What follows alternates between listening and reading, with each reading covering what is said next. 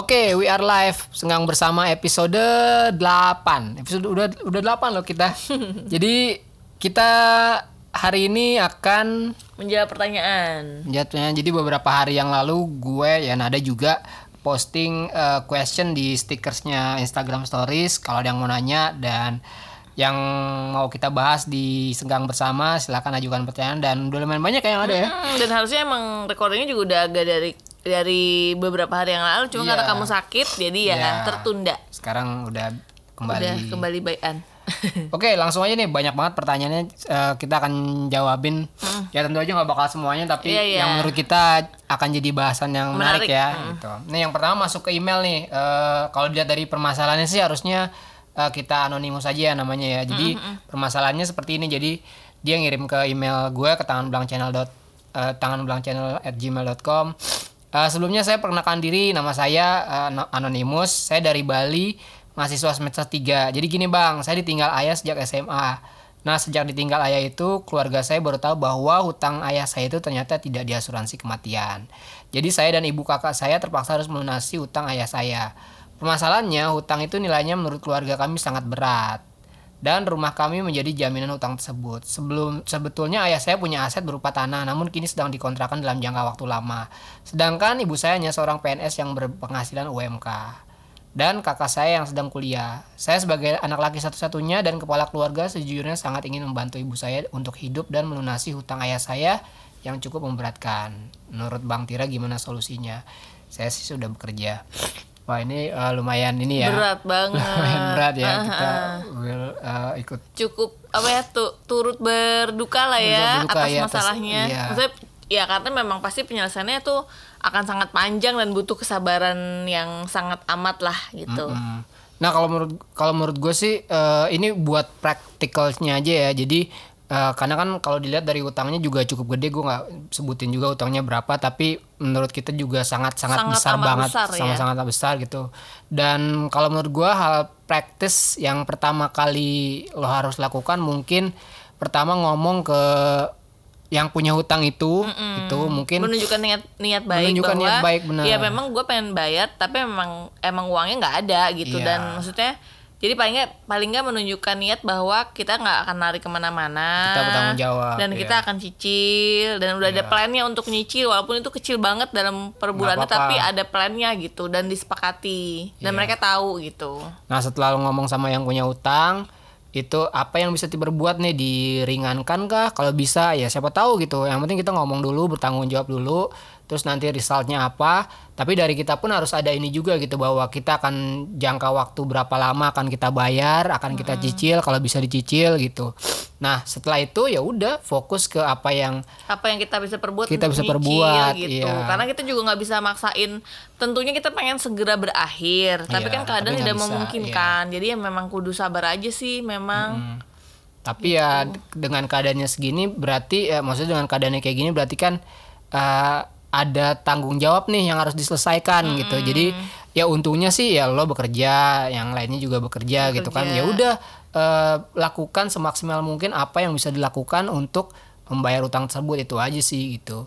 Dan eh, apa namanya? Ya misalkan nih kalau perlu dalam setiap gajian gitu sisihkan memang pengeluaran hanya untuk membayar utang gitu. iya mau nggak mau sih itu tapi udah Mau ya nggak mau iya makanya kalau di luar tuh ada metodenya debt snowball itu tuh. Jadi memang ya udah lu tekan pengeluaran lu sekuat kuatnya buat bayar eh, utang itu gitu. Karena eh, kalau belum dibayar itu akan jadi terus jadi beban gitu. Nggak semakin lama Hmm. nggak dibayar semakin lama jadi bebannya gitu. Jadi ya itu yang bisa kita kasih, saran ya, kira-kira seperti gitu. itu.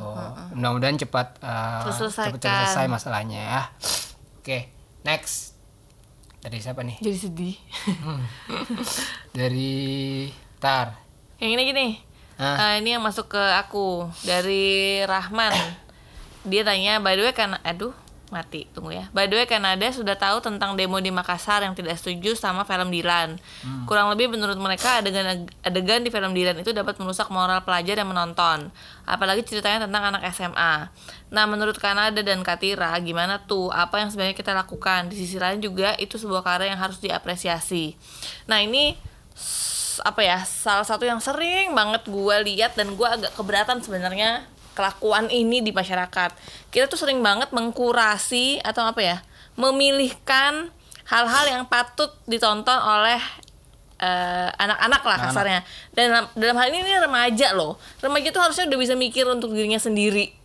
Jadi sebenarnya kalau menurut gue justru hal-hal yang tidak apa ya tidak sepakat sama kita tidak cocok sama kita tidak cocok tidak cocok value-nya sama kita bukan terus dihilangkan. Karena kan hal itu tetap ada di dunia ini.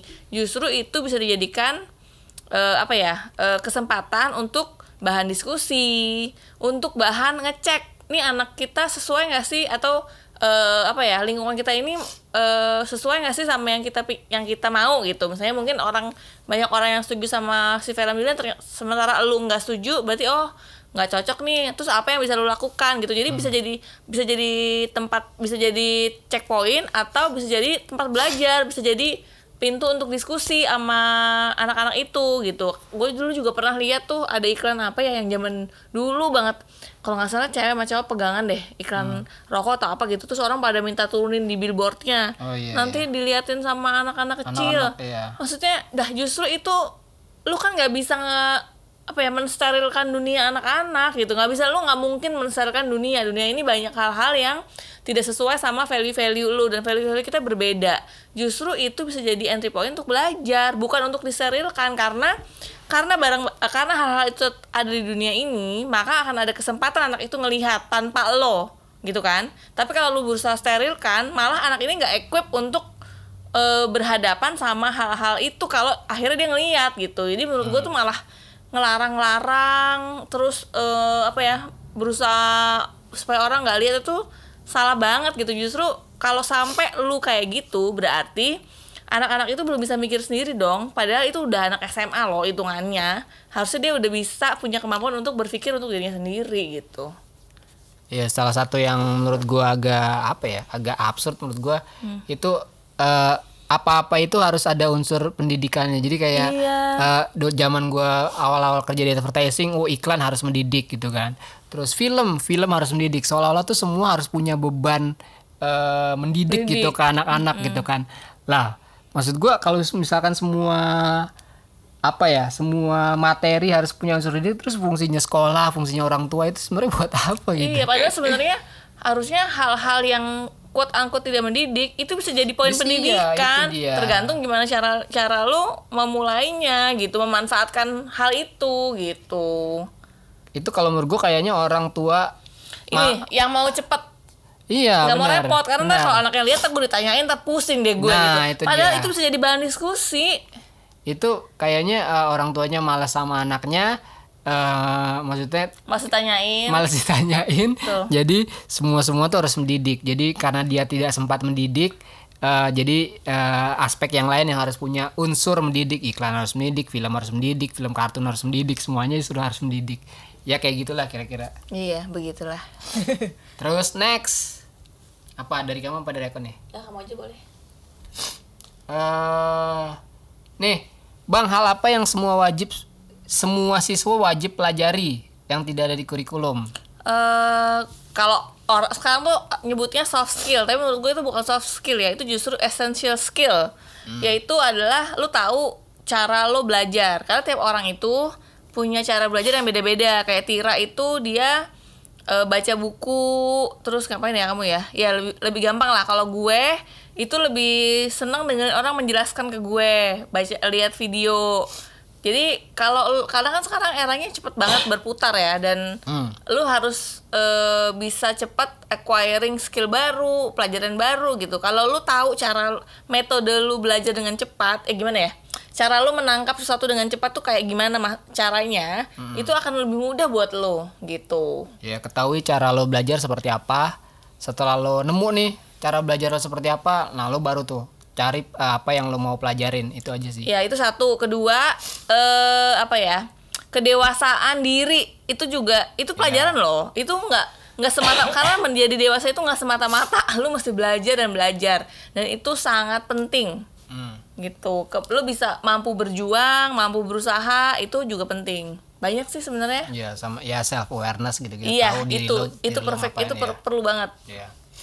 Ya sama sama skill skill skill seperti yang menurut gue nggak ada di sekolah. Kayak misalkan eh, apa namanya m- menjelaskan anak tentang uang gitu kan. How the money how money works how economy works gitu kan. Dalam arti the sesimpel mungkin ya. Terus how do how to do taxes itu apa pajak gitu gitu itu kan sebenarnya nggak pernah diajarin Iya, waktu iya. sekolah gitu kan. Makanya sekarang aja masih bingung gitu. Padahal sebenarnya kalau misalkan lo pelajarin dasar-dasar itu sebenarnya nggak terlalu sulit juga gitu.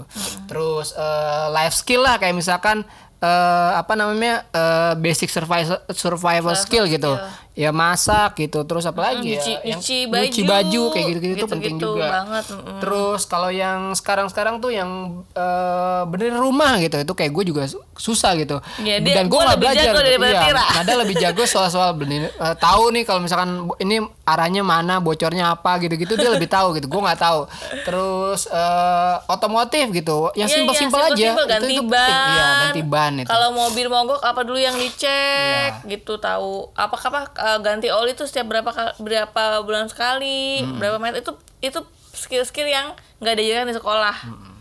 Dan harusnya di rumah tahu gitu, dari rumah tahu. ya itu kira-kira terus eh, Oh ini nih ada ini. Hmm. Eh, gimana cara dapetin kepercayaan ortu untuk eh, hal-hal seperti nge-YouTube, eh nge-YouTube soalnya saya selalu nggak dibolehin.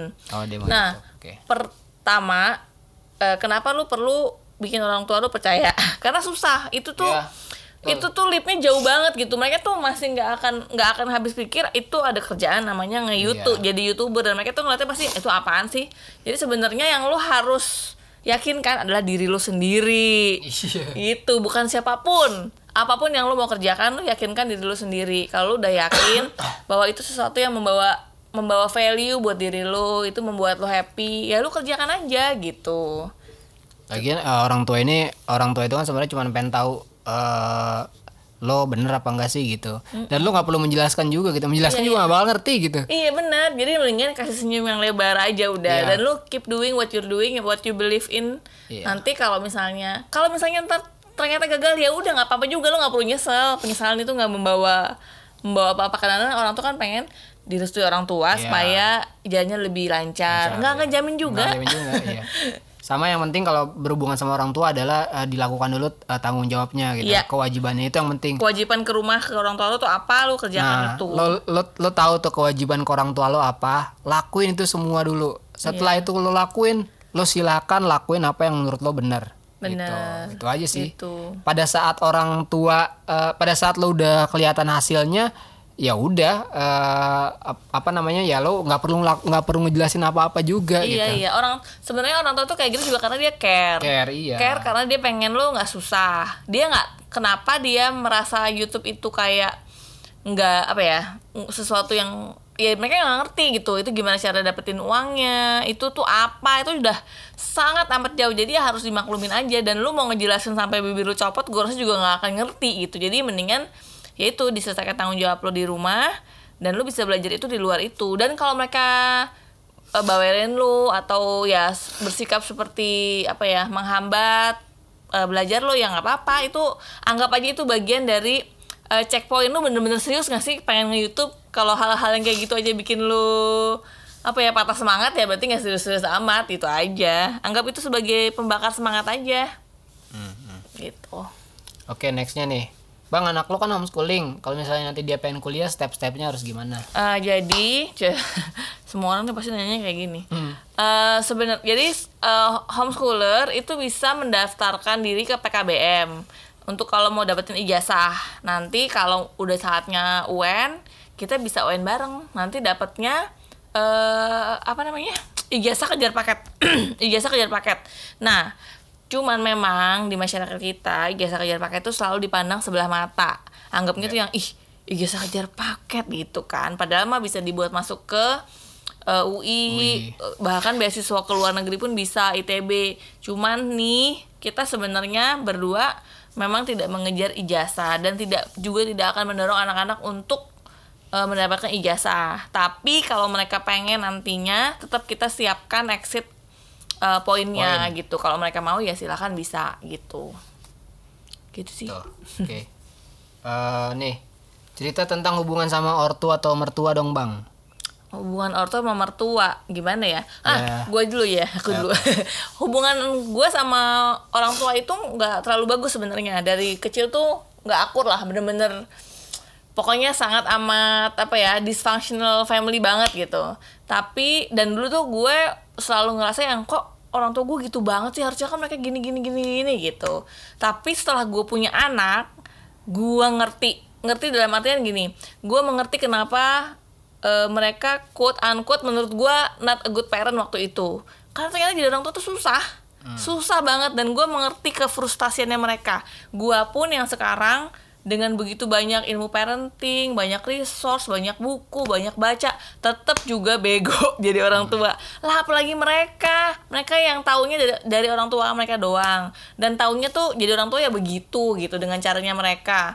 Jadi gue bisa memaklumi banget lah gitu kenapa mereka seperti itu dan bisa akhirnya bisa melepaskan semua kekesalan dan kemarahan gue gitu. Akhirnya kita sekarang ya akrab gitu. Terus eh, apa namanya? Hmm, mereka juga nikahnya muda. Ya kebayang lah gue yang udah tua aja sama anak gue suka nggak sabaran apalagi mereka gitu. Jadi ya setelah gue punya anak tuh gue sangat amat bisa memahami posisi mereka gitu. Tidak tidak bikin eh, perbuatan mereka bener ya tapi gue memahami kenapa jadinya kayak gitu gitu. Gitu sih. Terus oh ya apa lagi ya? Oh ya kamu dulu. Ya, eh, ya orang tua ya sama gue juga nggak begitu deket sama orang tua ya. Gue dulu ya ya bokap udah nggak ada sekarang masih ada nyokap. Gue dulu lebih deket ke bokap gitu ke nyokap juga enggak dan zaman zaman dulu sering banget berantem soal ya sebenarnya lebih ke apa ya eh, ada ada ini yang gak sesuai aja sih gitu. Tapi yang kayak Nada bilang pada akhirnya ya udah respect aja gitu hubungannya sebatas itu aja gitu. Kita respect sama orang tua. Kita tunaikan kewajibannya kewajiban kita sebagai anak. Habis itu ya udah kita pada akhirnya ya respect sama yang apa yang telah mereka lakukan, lakukan untuk buat kita. kita gitu kan. Dulu kita mungkin berterima kasih lah ya. Iya, apalagi setelah kita jadi orang tua itu kita kita memang merasa banget gitu, oh jadi orang tua tuh seperti ini gitu. Pada akhirnya ya respect itu akan timbul sendiri gitu. ingusan Ya respect itu akan timbul sendiri gitu. Nah kalau soal hubungan ke hubungan gue sebagai mer- menantu, ke mertua, Nah, kalau kita memang dari dulu punya kesepakatan, jadi karena apa ya? eh keluarga kita kebetulan sayangnya penuh drama. Hmm. jadi kita sepakat untuk eh memisahkan keduanya dalam artian kalau orang kan ada yang oh mertua gue jadi ibu gue gitu. Kalau Hmm. kita memang tidak dari dulu dari awal tuh memang ya udah eh, apa namanya? Ini orang tuaku, yang sana orang tuamu. Hmm. Kamu handle orang tuamu, aku handle orang tuaku gitu. Jadi memang eh apa ya ya hubungannya tuh bukannya jauh ya tapi Enggak, ya ah, memang sekedarnya. ya sekedarnya. Memang kita kasih jarak sengaja gitu. Iya, jadi- karena memang eh, tipe keluarga kita kebetulan kayaknya kalau dideketin malah nanti jadi jadi banyak drama gitu. Jadi kita udah nemuin balance yang pas banget di mana Iya. semua orang tahu batasan masing-masing gitu. Boundaries masing-masing ya mungkin dulu awal-awal nikah ah, banyak Penyesuaian konflik ya. gitu kan, banyak Iya, konflik, iya. banyak penyesuaian gitu. Karena kita memang belum nemu eh, Pas, for- formula yang pas ya. yang pas gitu. Bener-bener. Sekarang kita udah ketemu ya udah seke- sekedarnya aja gitu.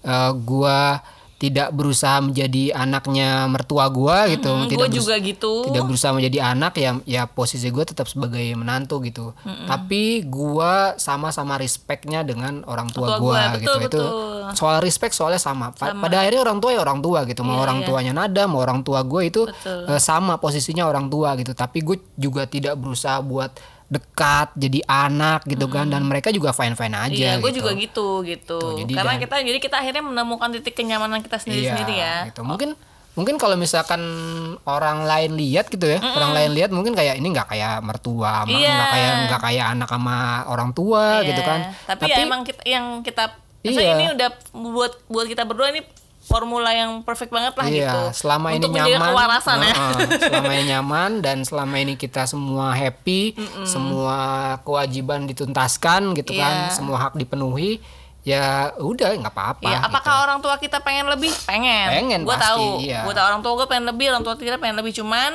gue kita rasa kalau lebih pasti nanti jadinya eh, banyak dramanya. Jadi Iya. ini udah perfect banget Ini, gitu. iya, gitu. Itu dia. Gitu dia. Terus gue pengen resign dari kerjaan gue bang. Tapi posisi lagi jadi tim leader. Beresin project apa cabut aja? Ya beresin Iya, beresin project. ya intinya lo mau resign at- eh, resign tapi Atau nunggu gitu ya? Iya resign tapi tapi jadi tim leader beresin project apa ya ini kan bagian dari tanggung jawab lo ya. Jadi ya selesaikan dulu tanggung jawab lo. Habis itu mau resign ya silahkan. terserah. karena eh, apa namanya posisi ini kan juga lu banyak bisa banyak belajar gitu. Dan itu bisa jadi kayak achievement untuk diri lu sendiri juga gitu bahwa lu nggak ngelepasin tanggung jawab gitu. Jadi kayak lu fini lu selesaikan aja. Atau lu punya bisa nyariin orang yang bisa nyelesain pekerjaan itu juga boleh gitu. Tapi kayak sebaiknya sih mendingan lu selesaiin sih. Itu kayak apa ya? Ya kayak kayak kalau ditinggalin kayak ngebuang ini ya kayak ngebuang temen lo gitu. Iya. gitu. Oke next Eh, ajarin cara ngarahin anak bang. Baik dalam olahraga profesi dan minatnya. Ngarahin. Kalau gue nggak pernah eh arahin tuh gimana ya? Eh, ya kalau kita sih ya? sebenarnya kalau kita kan kayak em, mi, eh, maksudnya ngasih dia ngasih dia ngasih dia input, Input, iya. tapi tetap pilihannya di anak gitu. Iya. karena kadang gini nih kita tuh suka gini. Itu juga yang terjadi waktu gue masih kecil gue ngerasain ya. Kita tuh ngelihat kan dari mata orang tua sedangkan itu jalan maksudnya kayak itu badannya anaknya minatnya anaknya hati anaknya gitu. Yang the best we can do itu ngasih tahu kalau lu tuh kalau lu gini mungkin bisa begini begini loh atau jadi kasih opsi lah A B C D tapi dia milih apa itu terserah dia gitu. Karena kadang-kadang kita kan melihat dari sisi luar belum tentu yang kita omong itu sesuai sama yang dia rasain gitu. Kalau menurut gue sih kita nggak nggak apa nggak bisa ngarahin anak ya maksudnya lah kita cuma bisa ngasih opsi gitu. Ya itu ngasih Ops- opsi. opsinya apa gitu kayak misalkan nih eh, olahraga gitu. Olahraga lu pengen dia berolahraga ya udah kasih Contohin ya. opsi olahraga sebanyak banyaknya Iya, gitu masalah nanti anaknya akan milih yang mana ya itu bukan ininya kita gitu. Karena kan ininya ininya anaknya, gitu. anaknya heeh. jadi ya kasih aja option sebanyak banyaknya gitu. Ajak dia eksplorasi sebanyak-banyaknya. Tapi ya ops pilihannya selalu kembali ke dia Hmm. gitu jangan lu putuskan jangan lu yang memutuskan gitu dan walaupun pilihan dia nggak sesuai sama yang ada yang lu pengen ya sudahlah gitu itu jalannya dia gitu Iya. Ada lah, di kamu ada nggak? nggak ada Eh ini nih, katanya dulu nggak saling cinta. Terus hubungannya kayak apa ngajakin nikah ini? Kayaknya waktu ngeliat stories gue yang eh, artikelnya Tirto yang judulnya adalah eh, eh, ya cinta itu bukan landasan pernikahan sebenarnya Nah, gitu. nah perlu diklarifikasi waktu gue nikah sama Tira ya gue punya rasa itu Hmm. gitu punya cinta. Tapi eh, itu bukan dasar gue nikahin dia. Karena sebelum itu gue itu gue itu udah pacaran berapa kali dan hampir ke semuanya mau menikah. Semuanya udah diajak semuanya udah diajak nikah. Tapi dan gue cinta sama orang orang-orang yang mengajak nikah gue itu. Tapi setelah gue apa ya gue pikirkan baik-baik wah kayaknya kalau gue menikah kayaknya is not apa ya nggak nggak bijaksana kayaknya kalau gue menikahi orang ini. Karena walaupun gue cinta tapi hmm, orangnya itu tidak oke untuk diajak berumah tangga. Karena dengan rumah dengan berumah tangga yang punya begitu banyak kesulitan dan apa ya masalah gitu. Jadi akhirnya gue menolak orang-orang yang gue cintai itu dan gue putusin. Sampai ada yang kesel banget sama gue yang gue tuh kan baik sama lo kenapa lo putusin gue? Iya gue tau lo baik tapi kayaknya kalau diajak nikah enggak deh gue tetap kayak gitu gitu. Jadi bukan berarti gue nggak cinta sama orang-orang itu tapi menurut gue eh, otak gue bilang mereka ini kalau diajak nikah nggak oke gitu. Karena kayak secara mental secara emosional tuh nggak cukup dewasa untuk eh, memasuki pernikahan. Waktu Tira nggak kayak gitu gitu. Ah sebelum Tira itu gue pacaran 8 tahun loh. 8 tahun tuh kurang cinta apa coba? Tapi akhirnya gue putusin karena kayak wah nggak bisa nih udah dicoba 8 tahun kayaknya gue tetap nggak yakin nikah sama nih orang gitu. Ketemu sama Tira sebulan gue yakin oh ini orang yang oke nih bisa diajak mikir. Itu gue nikah jadi landasannya bukan karena gue cinta landasannya itu eh, ya gue cinta tapi landasannya dia gue menikahi dia karena nih orang bisa diajak mikir dan dewasa gitu. Ya katanya kan seben- ya cinta atau the state of falling in love itu kan sebenarnya ya cuman reaksi reaksi badan aja kan iya dan reaksi nggak hormon sebenarnya. dan nggak nggak bertahan selama lamanya loh. Feeling gue sama Tira dari awal itu beda sama ya feeling gue sama Tira sekarang sama dulu itu beda banget Beda, gitu. Ya. jadi eh, apa ya ya di eh, ya pernikahan itu eh apalagi pernikahan apalagi pernikahan kan dalam jangka waktu panjang, kan Panjang, kayak Kalau misalkan- kalau misalkan hanya rely on love, gitu yang dan itu itu dan kita semua tahu itu it will not last itu forever bahaya banget gitu Iya. malah eh, ya selain cinta ada tanggung jawab itu itu yang paling penting sih komitmen gitu-gitu Mm-hmm. itu yang yang lebih berperan sebenarnya di situ Iya. gitu. Ada momen loh di mana tuh gue ngeliat Tira sebel banget pokoknya, Iya. yang pengen gue sambit rasanya itu ada, ada. Jadi kalau kayak kalau lu you rely on love only, Nggak bisa, ya. makan tuh cinta, yang Iya. kan lu bubar, Iya, benar. bubar jadinya. Karena begitu cinta itu hilang, lu nggak punya kekuatan lagi untuk menerusin, apalagi begitu ada masalah. Ya, Gitu. itu dia. Oke, eh pendidikan agama penting nggak buat anak? Kamu apa aja? Kamu aja deh jawab. Pendidikan agama penting nggak buat anak? Eh, menurut gua penting tapi tidak sebagaimana yang Dipikirkan orang lain. gitu ya. diajarkan di sekolah sekarang atau dulu yang diajarkan gue dulu gitu. Jadi kalau misalkan penting nggak agak penting pendidikan agama penting nggak buat anak? Penting pada saat eh, lo- pertama lo melihat agama dari sisi historis itu penting. Yang kedua eh, lo bisa membandingkan semua sem- eh, semua agama secara secara rata gitu, secara tempatnya tuh sama gitu. Jadi bukan berarti agama lo yang paling benar atau segala macam, tapi eh, lo bisa menceritakan ke anak lo eh, misalkan nih eh eh, Pak, eh, Pak Bu kita agamanya apa sih? Oh kita agamanya Islam gitu. Tapi kamu tahu kan sih ini itu agamanya Kristen. Nah kalau agamanya Kristen itu begini begini begini. Kalau agamanya Buddha itu begini dan lo bisa memaparkan itu sama bagusnya gitu ke anak lo. Gitu. Jadi dia bisa membandingkan gitu. Oh ternyata agama nggak agama itu nggak cuman agama gue doang loh gitu. Ada agama lain dan agama lain tuh seperti ini, agama lain tuh seperti ini. Jadi mereka udah melihat tuh bahwa keragaman itu sesuatu yang eh, biasa gitu. Intinya sebenarnya pada saat agama tidak diajarkan sebagai dogma Ya, aku baru itu mau bilang. itu menurut gue penting banget. Iya iya, gue gitu. juga. Jadi gue tuh gue tuh sampai jadi gue itu sampai sekarang masih masih kayak bukan sampai sekarang sempat kesulitan mencari buku agama yang oke buat anak-anak gue. Sampai akhirnya temen gue itu datang dari Singapura dan bawa buku agama Islam dan gue suka banget kata-katanya. Jadi tulisannya itu di di depannya tentang surga dan neraka.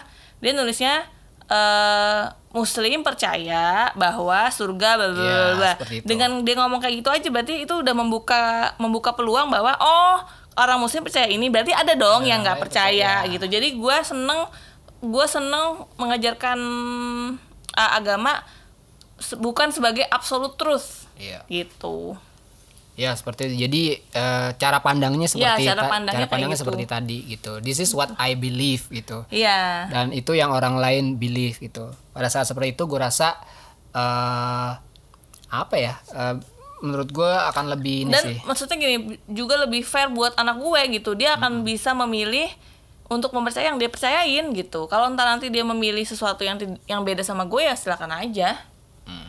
gitu Ya kebetulan gue juga suka melihat agama-agama dari sisi historis. Jadi gue juga nggak cuman belajar Islam doang.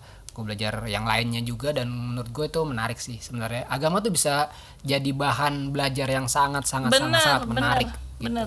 Bisa jadi masuk eh, pelajaran sejarah yang menarik itu dari agama tuh bisa gitu. Nah ini yang ringan-ringan nih. Oke. Umur masing-masing dan umur pernikahan. umur masing-masing. Nih catat ya, siapa tahu mau ngasih kado buat gue. Gue lahir 14 Juni 1980. Tira 15 Oktober 1980. Nikah 9 tahun ya? Ah, tahun ini 10. Eh tahun ini 10 gitu. Oke. Oh iya, dan percaya nggak percaya, percaya nggak percaya. Gue berdua emang kita dari dulu nggak pernah ngerayain ulang tahun sih, ya cuma sekedar ah selamat ulang tahun beb gitu. Jadi ya sering lupa ulang tahun masing-masing, sering lupa anniversary. Tapi ya di kita nggak masalah gitu, karena emang emang nggak merasa penting aja sih gitu. Iya, jadi tidak pernah ada tradisi menselebrasi ulang tahun ataupun anniversary anniversary, Anniversary. atau apa pun itu. Kita lebih seneng celebrate achievement dan apa ya progress ya. Iya. Oke, next. Nih kamu yang jawab nih apa, apa yang membuat kamu jatuh cinta kepada Tira nih. tuh yang membuat gue itu cinta pertama kali pertama kali gue bilang wah boleh juga nih cowok gitu kayak ini pernah dibahas deh yang di di podcast Boleh. yang kedua ah. Oke. yang itu yang kamu bilang eh, apa namanya tenang aja. Kamu kalau mau mau potong rambut mau pakai baju apa nggak usah ngomong ke aku. Aku bukan laki-laki seperti ini. Aisyah. Berarti maksudnya karena kan aku nyarinya bukan laki-laki yang memimpin gue gitu. Jadi pas kamu ngomong kayak gitu oke nih. Sama yang kedua yang pertama kali kita berantem hebat. Hmm. Nah, pas setelah itu aku ngelihat oh, ini Tira ini orangnya bisa diajak bisa diajak diskusi kayak orang dewasa. Eh, bisa diajak di, di- biasa ah, susah banget ngomong. Bisa diajak diskusi seperti orang dewasa. Terus waktu nonton ini inget gak? Journey Journey to the Center of the Earth. Iya. Tuh kamu yang kayak anak-anak itu dan bisa diajak bisa diajak eh, bersenang-senang seperti anak kecil. That's what I like about him. ya kalau kalau gue ya intinya eh know how to love know how to fight. Kalau menurut kalau how to argue dan segala macam kira-kira itulah. Apa jadi gua yang jawab? Kamu nanya. eh cara agar konsisten gimana bang? Biasa tuh awal excited banget lama-lama lah bosen. Ya ini mah sama gue juga. Tapi itu itu masalah masalah orang generalis. Kan ada Ya. dua tipe manusia, ada yang generalis, ada yang spesialis. Kalau yang generalis itu memang selalu punya problem untuk menyelesaikan. Mm, Karena selalu cepat bosan, jadi ganti-ganti. Kalau orang spesialis punya problem untuk meninggalkan karena dia selalu pengen selesai tapi nggak selesai selesai karena kan dia pengennya perfect perfect perfect nggak kelar kelar jadi kedua orang itu ya maksudnya semua orang ya semua orang kudu bikin kontak sama dirinya sendiri dulu. Kalau mau mulai itu juga gue baru belajar juga sih dari si om eh, dari psikolog gue. Jadi misalnya lu mau baca buku oke gue akan selesai baca buku ini maksudnya kelar hari ini mungkin ya. Setelah gue baca tiga halaman itu dulu sebelum mulai. Siapa pun. Jadi lu tahu titik kapan nih gue udah bikin kontak sama diri gue untuk selesai. Gitu. Jadi kalau untuk orang yang bosenan lu bikinnya pendek-pendek aja kontaknya. Jadi lu kalau stop eh kalau nggak kelar itu nggak merasa bersalah gitu. Jadi dikit-dikit bikin kontraknya. Kalau kepanjangan ntar pasti kita nggak kelar. Kita kita belajar komitmen sama diri sendiri dulu jadi bikinlah pendek-pendek buat orang spesialis juga gitu kalau dia malah problemnya nggak kelar-kelar karena dia pengen perfect mulu oke gitu Apa lagi Eh, ini pertanyaan buat gue nih. Kalau disuruh milih dinner bareng Wisnu apa Muldi? Moldi, Moldi. Eh, Maji tuh suka banget sama Moldi. Entah kenapa nanyain Moldi Kenapa mulu. nanya Muldi mulu? Eh, dinner ya dinner ya sama Muldi pasti ngomongin politik mulu. Kalau sama Wisnu ah, kayaknya lebih banyak yang bisa diobrolin kayaknya sama Wisnu karena kayaknya leb- eh, lebih satu frekuensi sama Wisnu kayaknya. Gitu. Ini. Ngantor itu baiknya loyal atau sekedar memenuhi kewajiban aja biar otaknya bisa mikir usaha sendiri. Pertama, kayaknya sekarang itu eh, orang itu memang fokusnya lebih ke usaha apa? Ke usaha sendiri ya. Ah. Maksud gue eh kita nggak mesti kok punya usaha sendiri. Tiap orang tuh punya punya tempatnya sendiri-sendiri. Ada yang cocok di kantoran, ada yang cocok di usaha sendiri. Dan usaha sendiri itu nggak seindah yang lu bayangkan. Percayalah pada gue. Dulu tuh gue punya usaha keluarga.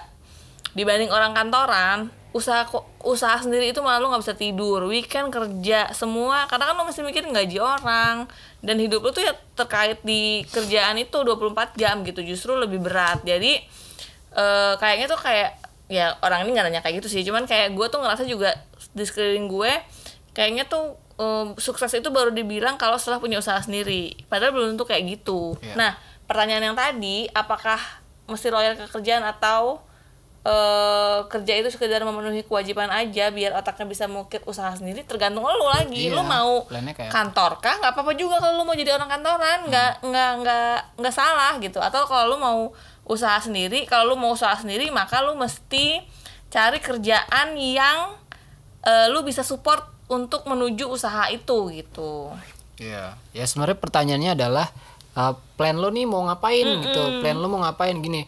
Uh, lo kerja uh, lo pasti punya punya ba- punya bayangan dong ke depannya lo mau ngapain gitu. Apakah mau usaha sendiri apa segala macam.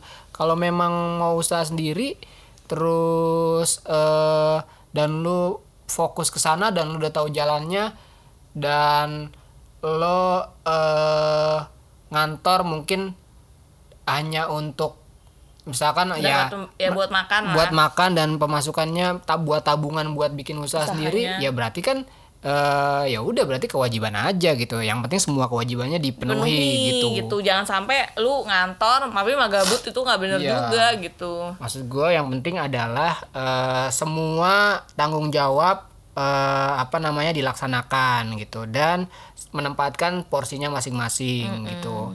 Kayak misalkan ya gue kan juga gue ngantor juga gitu kan YouTube juga gitu. Tapi gue tidak pernah eh, melakukan YouTube dengan eh, apa namanya mengambil jatah kantor gitu. Itu nggak pernah gue kecuali misalkan ada acara yang memang perlu cuti ya pasti gue cuti gitu. Jadi memang ada memang apa namanya ya udah kewajiban dipenuhin. Kalau misalkan perlu cuti perlu cuti habis itu ya udah lakuin YouTube gitu kan. Dan ya itu tujuan lo ngapain dulu gitu. Mm-mm, jadi lu bisa bikin plan ke sana gitu. Kalau misalkan Hmm? Tujuan lo ngantor ya nggak apa-apa juga ngantor iya gitu. benar-benar makanya usaha sendiri itu nggak perlu nggak semua orang nggak semua orang ah nggak semua orang harus kayak gitu kok maaf ya hari ini gue kayaknya kesulitan berbicara belibet mulu karena karena gini karena tuh zaman sekarang itu eh seolah-olah Yes. ada seolah-olah kayaknya sukses itu adalah pada Punya saat usaha sendiri punya usaha sendiri jadi tuh kayak semacam ada dualisme antara kantor dan entrepreneur gitu punya Hmm. usaha gitu dan yang membangga banggakan entrepreneurship ini tuh selalu yang bosan di kantor capek punya bos gitu-gitu kan maksud gua Iya. ya lu nggak harus jualan kayak gitu juga kali maksudnya bisa aja ada orang yang eh, happy ngantor ya nggak apa-apa juga, apa-apa gitu juga, jadi gitu. entrepreneurship sama profesionalisme itu tuh apa profesional dalam arti ngantor dan segala macam ya itu selalu dibenturkan gitu gitu sekarang Iya. Terus terang nih ya gue, gue sendiri. kalau gue nggak punya keluarga, kalau gue nggak punya anak, I would be happy to work in office. Karena karena I, I excel in in the office situation gitu. Dibanding yang usaha sendiri. Gue tuh usaha sendiri, astaga, dulu pernah sendirian tuh bener-bener maju mundur maju mundur. Karena kan emang nggak ada bosnya. Justru gue tuh butuh dibosin gitu karena gitu. Jadi nah sekarang kebetulan gue berpartner sama dua orang lagi. Jadi eh, ada yang ngegawang ada apa ada yang ngejagain gue lah gitu. Ada yang ada yang ngemandorin gue gue butuh mandor nah jadi sekarang lebih jalan gitu jadi ya nggak semua orang tuh cocok di setting usaha kok sebenarnya gitu Ini jawab pertanyaan yang cukup gampang nih bu. Apa? Pengen punya anak lagi nggak? Enggak. Satu. Baru aku mau ngajak itu. Satu dua tiga. Enggak.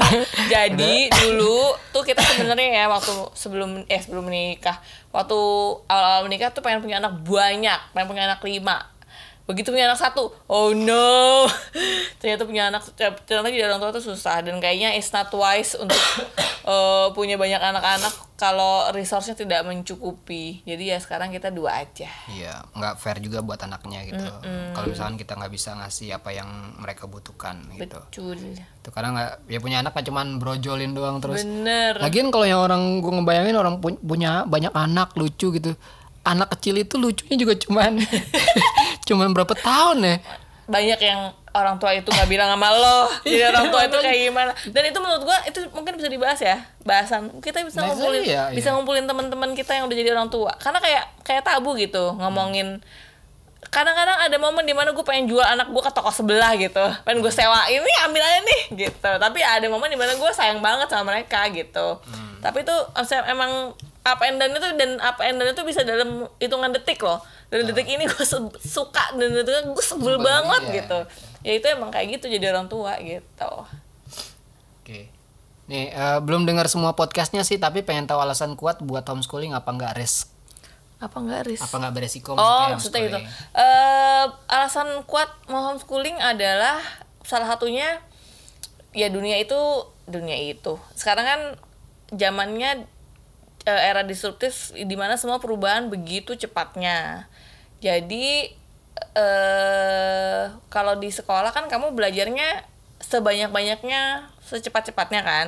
Sedangkan kalau di homeschooling itu bisa nyesuaiin pace kita gitu. Jadi eh apa namanya bisa nyesuaiin sama minat anaknya, bisa nyesuaiin sama keadaannya, bisa nyesuaiin sama gaya belajar anaknya gitu. Jadi kayaknya eh, homeschooling itu justru eh, yang cocok untuk zaman sekarang malah aku bilang. Kalau sekarang ada tuh yang education for 2O jadi education for 2O itu belajar di mana aja belajar sama siapa aja. Sedangkan sistem sekolah kita itu masih satu arah belajarnya duduk belajar di sekolah gitu. Sedangkan education for 2O itu udah belajar di mana saja kapan saja sama siapa aja. Dan itu homeschooling banget. Terus apa nggak beresiko? Apa nggak? di mana mana pasti ada resiko. Iya. nggak ada. Kita tuh cuman itu loh kayak apa sih? Kok eh kayak sem kayak sekolah misalnya kadang-kadang kita yang oh ngambil ini tuh nggak beresiko gitu. Itu semua aja sebenarnya. Karena kita udah terbiasa sama itu. Kalau gue bilang zaman udah berubah loh sekolah itu yang beresiko gimana? Gitu. Jadi sebenarnya resiko buat gue semua itu ada resikonya tentu. Tapi ya gue sih orangnya memang suka over pede ya. Gue yakin sama yang gue jalanin gue jalanin aja lah gitu. I'm sure this is eh apa ya jalan yang paling oke untuk sementara ini buat keluarga gue dan paling nyaman kita lakukan ya kita kerjain Iya. Ya lagi nggak ada yang namanya hal yang resiko gitu kan. Yang ada ya memindahkan resiko aja. bener sama aja sama jadi. aja benar-benar dan menurut gue ya lu tuh eh kalau hidup di dunia ini menghindari resiko mah you're missing out a lot of things justru Iya. Jadi risk taker risk taker itu risk taker live no- with no regrets hidup lu bakal menyenangkan sekali karena apa pun yang lu pilih pasti ada resikonya Ya apalagi masih muda. Katanya masih Betul. muda itu. Gini, eh, lu kan dalam hidup nih eh, dalam hidup ini lu punya eh, jatah gagal nih. hmm Seolah-olah jatah gagal. Lu masih muda itu pakai semua jatah gagal lo gitu. Jadi betul setiap lu gagal ya pasti ada yang lu pelajarin gitu kenapa lu gagal ya tapi semakin banyak lu gagal tuh pasti semakin banyak yang lu pelajari Iya, gitu. dulu akan semakin tambeng juga dengerin orang-orang ngomongin lu lah, abis itu lu ya sudahlah biarin aja. Tapi lu bisa jalan dengan dengan santai gitu. Iya. Masa muda itu masa harus ngambil resiko justru. Makanya kalau di investasi itu pada saat lo muda ya cari investasi yang lebih beresiko karena timeline lo masih panjang gitu. Hmm. You can you you can afford to make mistake. Iya. Eh, kira-kira sampai berapa tahun lagi youtuber menjadi peja- perja- pekerjaan menjanjikan akankah eksis terus ya nggak bakal eksis terus pastinya Terus makanya itu eh, sebenarnya kayak Gary V bilang, si Gary V itu panutan kita banget ya. Jadi eh, sebaiknya lu jangan sama kayak investasi jangan naruh telur lu di one basket gitu. Kalau lu udah udah fasih atau udah jago di di satu bidang, sebaiknya lu su- segera belajar bidang lain gitu. Just in case industri ini tiba-tiba lenyap yang lu jago itu, lu udah punya backup. Iya. Gitu. Itu emang sel- ya itulah belajar itu constant thing. ya makanya jangan tergantung sama platform juga gitu. Kalau misalkan lo menamakan diri lo youtuber gitu kan lo sangat menggantungkan diri lo sama platform uh, platform gitu. Kalau youtube-nya udah nggak ada apa yang akan lo lakukan? Itu aja sih. Terus dari kamu ada lagi nggak? Nggak. eh ada motivasi nggak buat anak-anak korban broken home Ah, kalau gue bilang mm, mungkin itu karena stigma di Iya, betul. orang kita ya. Iya. Broken home itu jelek dan segala macam. Sekali lagi, believe in yourself. Gak ada orang yang lu mesti yakinkan, gak ada orang yang lu mesti buktikan kecuali diri lu sendiri. Jadi selama lu percaya sama diri lu sendiri, lu yakin bahwa everything's gonna be okay dan lu akan baik-baik aja and everything's gonna be okay. Iya, eh, sebenarnya balik lagi gitu. pad- ya having a home gitu, having a family tentu aja patut disyukuri gitu ya. Tapi menurut gua pada akhirnya yang bisa merubah, mengubah, sorry, mengubah diri lo sendiri, jalan lo seperti apa itu pada Itu akhirnya lo sendiri gitu. Iya, dan family itu nggak cuman yang kita dilahirkan kok. Ada Iya. family yang kita pilih, ada teman, ada om tante gitu. Jadi gua pun nih mohon maaf aja ya. Maksudnya walaupun kita satu-satunya punya orang tua, ya kadang-kadang gua waktu kecil tuh ngerasa nggak punya orang tua, saking gua nggak deketnya gitu, saking banyaknya masalah gitu. So don't worry, maksudnya kayak hidup tuh panjang banget kok. Iya. Mungkin sekarang tuh kayaknya bleak banget, apa kayak gelap banget. Tapi selama lu yakin sama diri lu, jalanin yang lu bisa kerjakan, yang bisa lu jalanin, mudah-mudahan semuanya bisa membaik. Iya, seperti itu. Seberapa penting bahasa daerah menurut abang dan mbak Ah, kalau gue sih ini ya lebih ke eh gimana sih?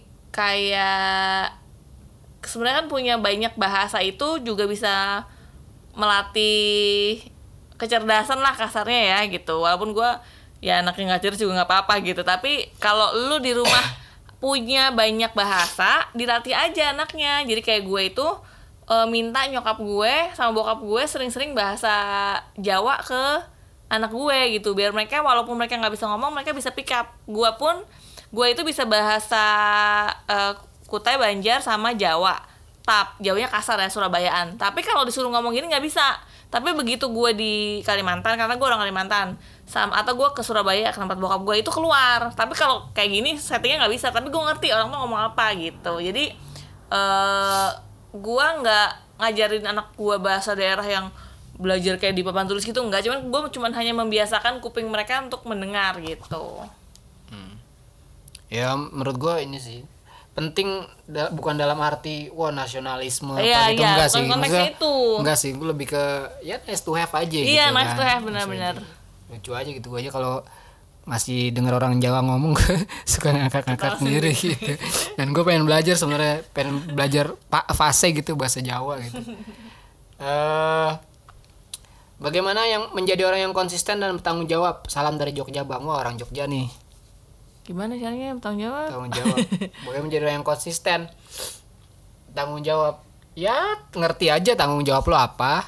Terus eh, apa namanya eh, bagaimana lo melakukan tanggung jawab itu mempengaruhi hidup lo apa enggak pada akhirnya nanti terbangun sendiri sih. Itu aja sih. Jadi nggak ada yang gimana sama gimana sebenarnya itu sih lu belajar sepakat dulu.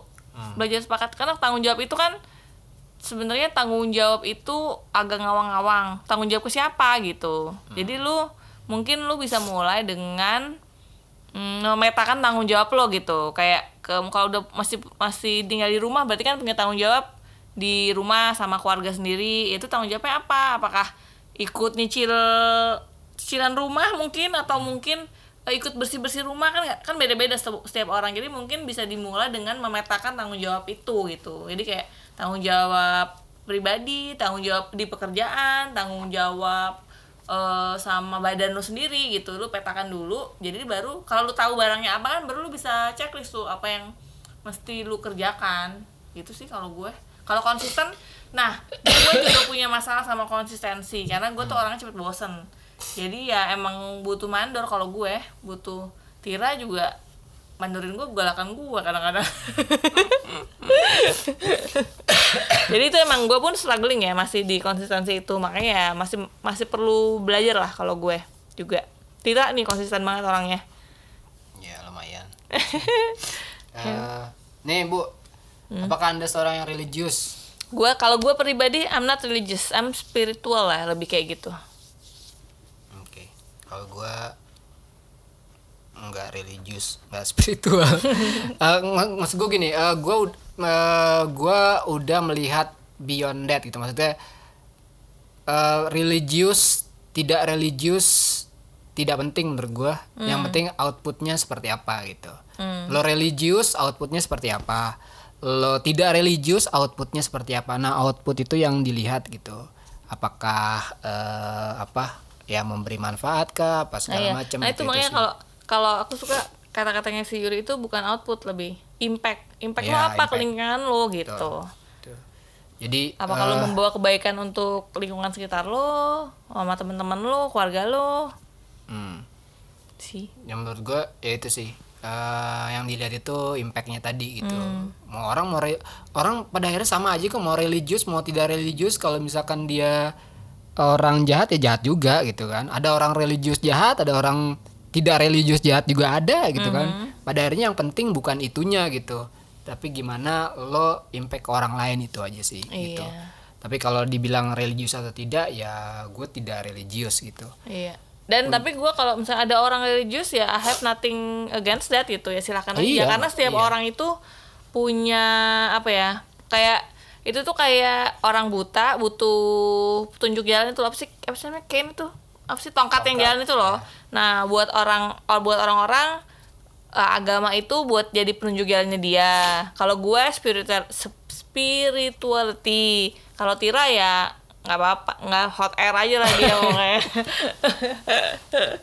jadi gue lebih me gue meramu filosofi Lo gue sendiri, sendiri, sebenarnya iya. gitu filosofi hidup gue seperti apa dan gimana gue bisa bikin uh, impact buat orang lain itu aja sih Mhm. gitu jadi tapi kalau ada orang ya religius mau tidak religius intinya sebenarnya kalau dari kacamata gue sih intinya jadi lebih enak aja sih mau temenan sama siapa aja tuh enak gitu kan. Mau orang religius kayak mau tidak religius kayak ayo aja gitu diajakin ngobrol apa pun enak gitu. Gitu jadi ya seperti itu. Oke udah habis bu? Ada. Mm-mm. ada lagi nggak di kamu? Nggak ada. Aduh maaf oh ya. ada lagi. Lu di dm dm panjang banget nih. Kamu nggak ada? Nggak ada. Tadi udah aku fotoin soalnya. Eh, sebentar ya Tira masih mencari. Oh ini dia nih. Ini mau dia anonimus nih. Gue dapat kesempatan buat jadi CPNS pemprov DKI is is it an old school job? Tuh dia nanya gitu. Karena banyak yang judge kenapa mau jadi PNS sih. PNS kan gitu males-malesan. Padahal gue mau dapat stability buat umur 30-an pengen punya working space sendiri di rumah and at least there is cuti besar lima tahunan yang bisa gue dapat tiga bulan. Buset tiga bulan. Jadi PNS gue mau nyobain Annapurna sirkuit di Nepal. Dan gue nggak punya dana buat ke sana dan mungkin salah satunya adalah dengan oh ya apa oh ya. Ya intinya di PNS lah gitu. How, how am I supposed to do people like eh, maksudnya gimana caranya menghadapi orang-orang lo? Kok jadi PNS gitu segala macem gitu. Iya, sekali lagi so what kalau mereka ngomongin lo gitu. Iya. kan lu you believe you believe the saya kayak lu percaya sama yang lu mau ambil ini. Iya. Selalu deh orang kita itu tuh sangat peduli sama ngomongan orang lain. iya Karena yang perlu lu pedulin tuh cuma diri lu sendiri. sendiri, Maksudnya bukan pedulin ya. Yang perlu lu dengarkan orang lain itu tuh kayak opini yang lu pertimbangkan. Kalau menurut lu nggak penting ya nggak usah didengerin, nggak usah di nggak usah dimasukin hati gitu. Tapi yang lu perlu dengerin tuh diri lu sendiri. ya kalau gue lihat kan lo udah punya plan nih buat diri lo sendiri nih mau punya working space sendiri mau nonton sirkuit Nepal gitu-gitu kan itu lo udah punya plan iya, itu menurut gue gua keren keren gitu lo udah menurut gue lo menurut gue lo keren gitu lo udah planning semuanya wah gue dengan jadi PNS Iya, bisa itu gue bisa bisa gini, gini bisa gini bisa gini itu menurut gue keren banget Dan gitu lu kan nggak perlu ngejelasin itu juga ke orang lain. iya, yang perlu lu, aja. yang perlu lu yakinkan tuh diri lu sendiri. Kalau lu masih dengan orang lain berarti lu sendiri belum yakin. Iya, gitu. ya kadang-kadang ada orang milih pekerjaan bukan karena pekerjaannya gitu dan itu nggak apa-apa gitu. apa-apa. Mungkin karena privilege-nya yang lain gitu Iya. kan. Ah, Just remember kenapa lu pilih jalan itu. Iya. Jadi ketika lu mengalami kehabisan energi atau kemogokan lu inget-inget oh dulu tuh gua ngambil ini tuh gara-gara ini loh gitu. iya. Untuk balikin semangat lo lagi. Karena eh, apa namanya? Sekarang itu fenomena yang ada juga adalah eh apa lo seolah-olah harus menemukan passion di kerjaan lo gitu kan. Maksud gue ya lo nggak harus juga kayak nggak harus menemukan passion juga gitu. Yang penting adalah eh ya tujuan lo nih mau ngapain di kerjaan ini gitu. Itu salah satunya tanggung ya lu kerjain tanggung jawabnya Kerjaan tanggung gitu. jawabnya iya. Masalah lo punya impian lain di luar punya itu menurut gue nggak apa-apa juga gitu. Dan lo nggak harus ada passion di situ juga gitu. Misalkan nih oh gue cuman pengen kerja karena pengen dapat duitnya gitu kan karena duit ini gue mau pakai buat yang lain yang lain-lain. Gue punya rencana lain nih. Ya nggak apa-apa juga Nggak apa-apa gitu juga, kan. iya. Tuh. gitu kira-kira. So eh menurut gue sih lo udah on the right track ya. Gitu maksudnya lo udah punya planning. Ini mungkin lo khawatir aja karena dicibir orang-orang karena ini PNS gitu-gitu kan. Jadi menurut gue ya ngapain juga dengerin orang lain ya gak sih? Gila. oke. eh, ada lagi nggak Eh, nggak ada. Aku mau jualan dulu deh boleh ya? Ya silakan. Eh, nih akhir bulan Maret gue mau adain seminar dia seri pengembangan diri. Judulnya baperku bahan belajarku. Jadi dulu tuh jadi kalau sekarang ya bukan dulu. Jadi kalau teman-teman gue itu sekarang selalu mengecap gue sebagai makhluk terwoles. Padahal mah dulu nggak kayak gini gitu. Nah dulu tuh gue eh, diomongin orang dikit bete. Kayak yang tadi tuh diomongin ngapain lu kayak gini sama orang? Bete atau enggak orang tua lagi orang tua gue lagi gimana? Gue bete. Tetangga gue ajaib dikit gue bete gitu. Nah setiap gue bete tuh gue malas ngapa-ngapain. Karena semua energi gue terfokus sama kebetean gue ini. Nah setelah gue ngobrol-ngobrol sama psikolog si Om Latih Ati ini gue jadi lebih apa ya ya bisa bela- bisa belajar dari si kebaperan kebaperan gue lah gitu. Jadi hidup gue jadi lebih santai. Nah bul akhir bulan si sekolah gue ini mau datang ke Jakarta dia kebetulan tinggalnya sekarang di Malang dulu di Surabaya nah dia mau datang ke Jakarta mau bikin seminar kalau mau ikut silahkan cuma seratus ribu bisa lihat di IG gue nada underscore arini untuk Iya. pendaftarannya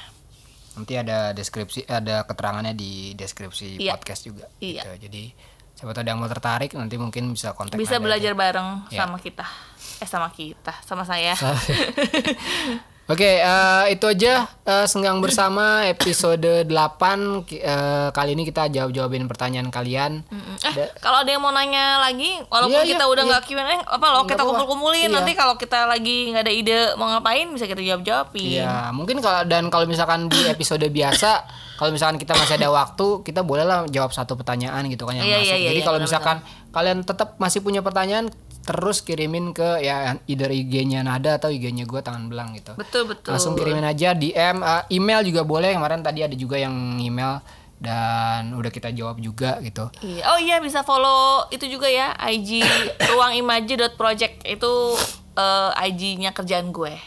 Oke. Oke, segitu aja senggang bersama kali ini episode 8 dan ya udah sampai jumpa di episode selanjutnya.